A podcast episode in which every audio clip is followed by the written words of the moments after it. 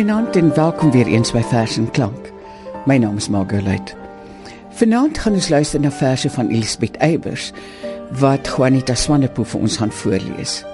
Eybers was 'n baie baie besondere digter en vrou.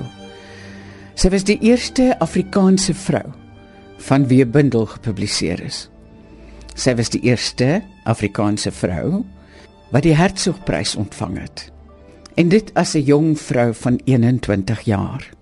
Sy was dapper en eerlik en het sonder skroom oor die liefde gedig.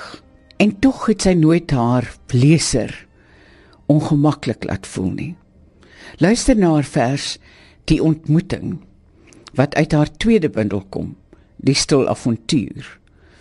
Sy was toe nog 'n jong meisie. Ek wou al wat ek het vir jou bewaar. Die jonkheid van my lyf, 'n hart wat bly en sterk is en gelate om te lei en oë wat wyfeloos en helder staar. Deur al die jare was ek wys en vroom in stil afwagting. En jy was nie ver want bo ons hoofde was dieselfde ster en in ons harte was dieselfde droom. Ek het al reeds die gretigheid geweet van jou gelaat en dikwels het ek jou stem gehoor met ligte aarzeling en klem. Toe was dit dat opeens die sagte kreet van welkom klankloos bly. Met 'n gebaar van va ontsteltenis staan ons voor mekaar. Kom ons luister nou na die vers Die geskenk waarin sy die geliefde besing. Jy het my meer gegee as die blou van jou oë. Ook die meer blou lug tussen wit wolke oewers het myne geword. Die dromerige rookblou van ver rande. Die parelblou van die skemering en die roekelose blou van 'n blom tussen groen gras. Jy het my meer gegee as die beroering van jou hande. Die lug het teerder om my gevloei. Die aand het my inniger as voorheen ontvang in sy koele omhelsing en die wind het gaan lê op my bors. Jy het my meer gegee as die besorgdheid van jou stem. Die bome het hulle takke behoedsaam geneig en die sterre het hulle rondom geskaar soos wagte. Jy het my meer gegee as die drang van jou bloed. Die warm krag van die aarde deur my gestroom. Die sap wat lente botsels uitstoot, het gepuls in my are en die ewige lewe het ontkiem in my skoot. Jy het my meer gegee as die droom van een nag. Al die verlore drome van my kindertyd het teruggekeer en in my oë het jy sterre aangesteek, te helder om te vlug vir die daglig. Alles wat ek verloor het en veel wat nog ongevonde was, het jy my gegee. Jy het my meer gegee as jou liefde. Die guns en die liefde van God. Eybers het heel dikwels verse geskryf, dikwels sonette vir haar ongebore baba voor ons mekaar leer ken. Terwyl jy nog drang van my liggaam is, droom van my gees moet ek die dinge sê wat later tog geswye tussen jou en my sal wees. As jy lank na jou jeug 'n jongeling bly in drif en onbestendigheid vanweë my erfenis aan jou. En dikwels lê en argloos van jouself aan ander gee in weerlose verrukking met die lewe se bondgebeure sonder doel of sin. En selfs die dinge wat jou kwes, bemin sal jy eendag as jy die boodskap aan 'n nog gestaltelose kind verstaan glimlag en talmen terugdink en vergewe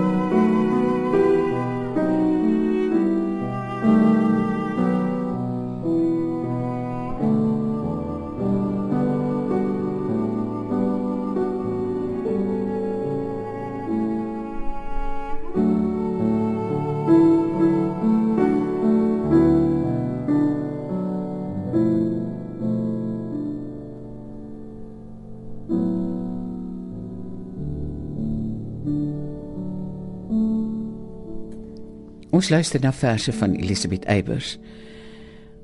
En nog 'n sonnet tree sy as verwagtende moeder in gesprek met haar ongebore kind.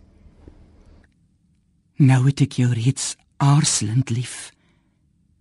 Soos mens die onvoltooide dinge skuw bemin. Jy's nog niks as droom, ekstase, wens. 'n Lied wat ek nie duidelik kan versin. Ek ken jou nie en kan jou skaars vermoed.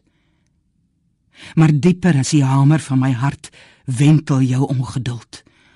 Ons deel een bloed en vreemd verenig bly ons tog apart. Wat sal die dwaase liefde later baat as ek jou ken en tog nie langer het? Nie langer kan beskud teen alle kwaad en alle teerheid langsaamaan verdwyn. Die worsteling wat jou moet verlos is net die aanvang van die skeiding en die pyn. Kom ons luister nou na haar vers Die moeder. Die vreemde oorsprong van jou lewe het soos lig deur 'n kristaal deur my gevloei in al die maande toe ek een was met die stil geheim van jou verborgde groei. En nou kan niks ons skei. Want is jy nie afhanklik en gebonde aan my bloed wat met sy onbegryplike chemie jou wonderlik gevorm het en gevoed? en of die uur ver en vergete word en of die jare tussen jou en my hul seile span die see sy golwe stort of selfs die dood sy somber baken steek. Nogtans sal jy aan my gebonde bly met die onsigbare naalstring wat nie breek. En dan kom vervulling. Toe keer haar voete traag en langsaam na die einde van die lange reis. Sy was soos een wat tot die laaste 'n kosbare las beskermend in gekelkte hande dra. Die helder krag vir hierdie avontuur het deur haar liggaam soos 'n vlam gestraal, toe sy na die verlate dieptes daal om daar te worstel tot die skeidingsuur en met haar kind se eerste roue kreet het sy die ou met doonlose pad wat hulle saam moes aflê reeds vergeet want in haar hart het alles weggesterf behalwe net die enkele vreugde dat 'n nuwe mens die lewe kon beerf in die eerste nag verwoord eibers die angs die verwondering en die liefde vir die kind. Hoe veilig en stil is my kindjie se slaap. Die tastende handjie so vreedsaam gevou. Die soekende mondjie geslote en soet. Die oogies se skemering van blank en blou. Wat sal haar moeder nou vir haar bid? Was sy slaap in haar wieggie, so warm en wit. Watter geheim sal sy vra dat haar kind in die skadu van latere nagte mag vind? Wat in die nag wat eensaam is? Dat skoonheid gebore word uit gemis. Wat in die nag van kwelling en pyn? Dat die môre ster dan die suiwerste skyn wat in die nag van liefdeslus dat teerheid sterker as hartstog is. Wat in die nag van barensnood dat die lewe magtiger is as die dood. Wat in die nag wat die laaste sal wees dat wie die lewe het niks hoef te vrees want elkeen aan wie die nag dit verklaar sal wysheid dieper as kennis bewaar hoe veilig is nou nog my kindjie se slaap die tastende handjie so vreedsaam gevou Die soekende mondjie geslote en soet. Die oogies 'n skemering van blank en blou. O duistere nag. Wees goed vir my kind. Later wanneer jy haar wakker vind. Die titel van die volgende vers is Die nuwe lewe. Soms pyn sy traag daaroor. En telkens as hy die klein liggaampie op haar handpalms hou, staan sy 'n oomblik so. Om te onthou hoe kort gelede dit deel van haar was. Geen droom wat smartlik sy gestalte wring uit skemerende kelders van die gees kon ooit so skoon, so volkome wees. Kon ooit so 'n oeverlose vrede bring. Dig teen haar hartklop neste lê wanneer hy honger het. En saggies omal gly 'n kleed wat hom van alles rondom skei. En oor die soet bedwelming skuim nie meer die eb en vloed van honkering. Al haar dae is stil van teerheid wat sy skaars kan dra.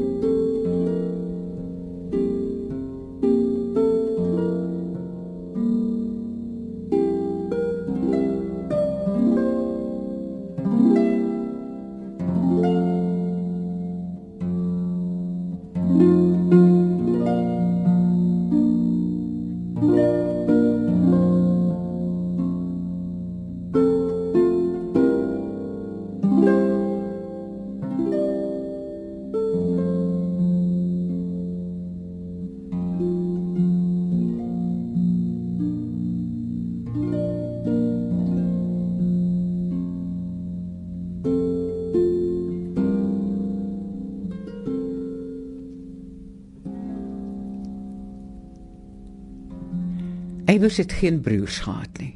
Sy het drie dogters en 'n seun gehad. Sy naam was Albert, later Bert. Hier's 'n klein vignet tussen ma en seun. As iemand klein is, is daar altyd iets.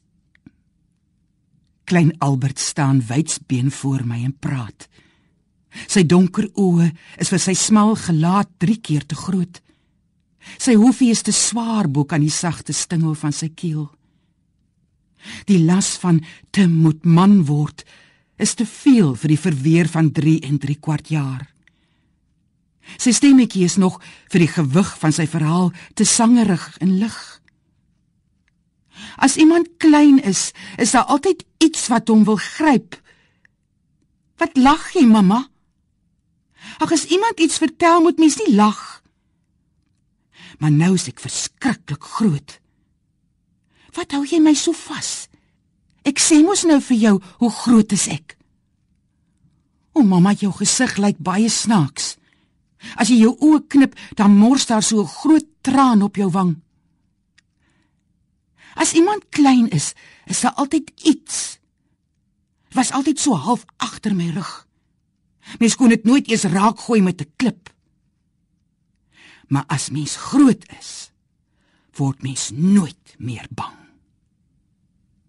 In die volgende vers verwonder sy haarself aan die onskuld van haar jong seun se lyf. Die seun klim druipend uit die bad. Sy hele lyf is gaaf en glad en heel tot in die holte van sy naal waaroor 'n seepbel span. Strak ledemate. Rebekka's hoekig en hard soos 'n kiras. Handdoek in hand staan hy bereid, gerig en toegerus tot stryd. Tog onvolkome afgerond. Hoe sal die lewe hom nog wond? In sy Achilles kern vind hy geen beskutting, man of kind. Geheg aan die benede buik, waar blink haar rankies reeds ontluik. Deur aar, teer soos 'n ooglid, sag soos murg, hang weerloos die geslag. Ongelukkig het Bert sy ma nie oorleef nie. Na sy dood skryf sy hierdie kwatryn vir Bert. Nou dat jy swyg, is daar niks meer vir my om ooit nog te begeer. Buiten die tydstip waarop ek dieselfde stilte mag betrek.